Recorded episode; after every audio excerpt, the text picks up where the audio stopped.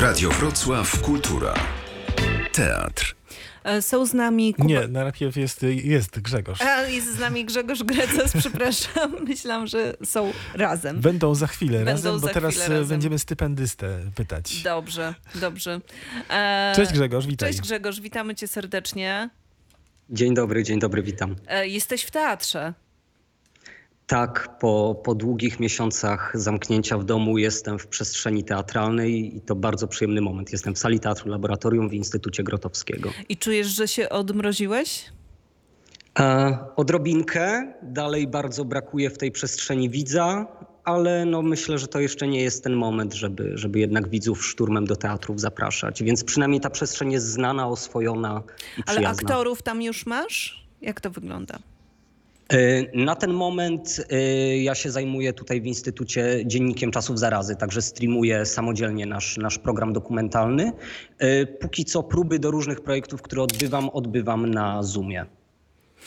No o dobrze. dzienniku będziemy pytać, e, kiedy dołączy do, nas Kuba, natomiast e, teraz chcielibyśmy cię zapytać o ten projekt, który, e, który przed tobą, sześć miesięcy masz na to, żeby przygotować spektakl, o którym my jeszcze nie słyszeliśmy. Jeszcze utrzymywałeś to w tajemnicy, chociaż pracujesz nad tym podobnym przedsięwzięciem od kilku lat.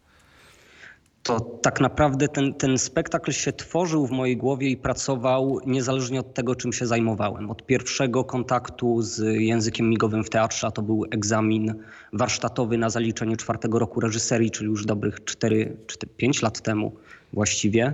A gdzieś po drodze cały czas w tle spotykałem kolejne osoby ze świata ciszy, bo, bo tak się określa osoby głuche, niedosłyszące, ich rodzinę, znajomych, użytkowników języka migowego i gdzieś cały czas pomiędzy tymi spektaklami, które staraliśmy się uczynić dostępnymi, w których staraliśmy się jak najlepiej migać i, i jak najpełniej tłumaczyć te spektakle, no poznawałem właśnie tych ludzi, tłumaczy, takich naszych tak zwanych widzów testowych i coraz bardziej jakoś wsiąkałem w ich świat i, i cieszę się, że w końcu przy okazji tego stypendium mam okazję opowiedzieć y, historię tych wszystkich ludzi, których poznałem po drodze.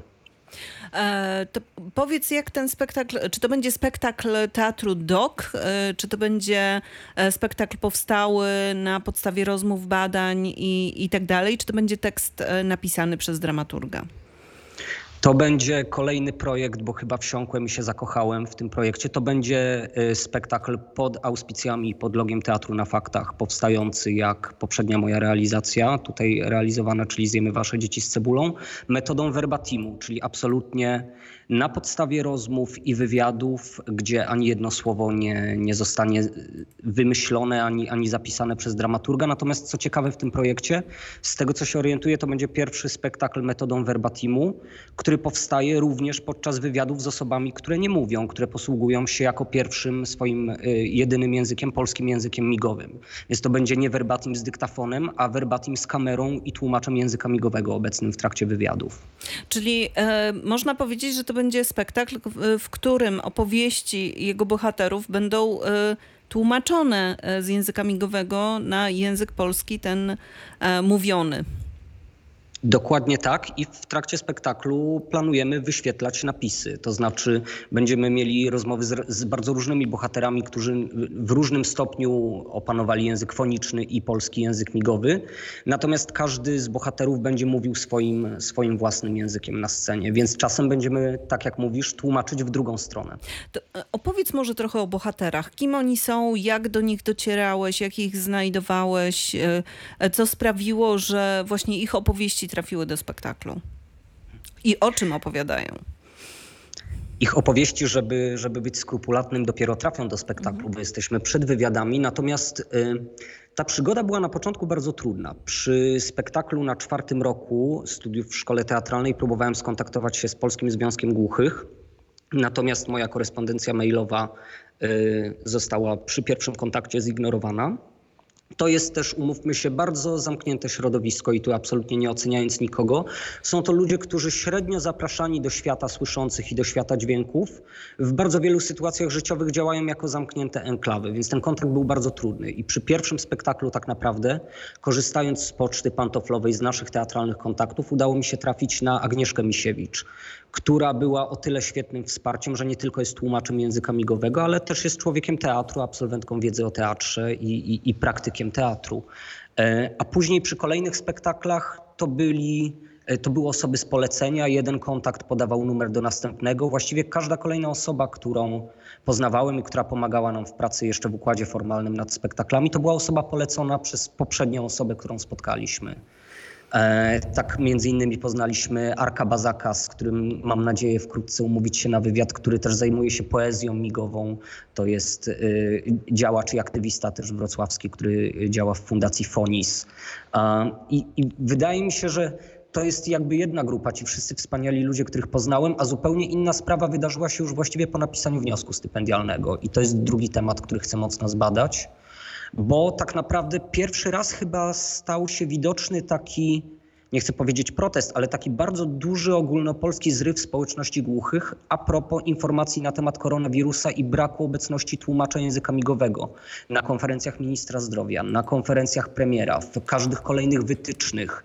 I jakby strasznie ta walka stała się dla mnie widoczna w przestrzeni internetu. Na przykład to nieustanne staranie, że tłumacz, jeżeli nie zajmuje jednej ósmej ekranu telewizora, to mnóstwo niuansów, y, ułożeń dłoni, znaków języka migowego jest niedostrzegalnych, jest niezwykle trudne dla osoby niesłyszącej, żeby się z tego tłumacza wielkości główki zapałki y, połapać, o czym jest rzecz. A umówmy się, teraz te informacje są szczególnie istotne w czasie pandemii, bo to są często zalecenia, które mają nam uratować życie.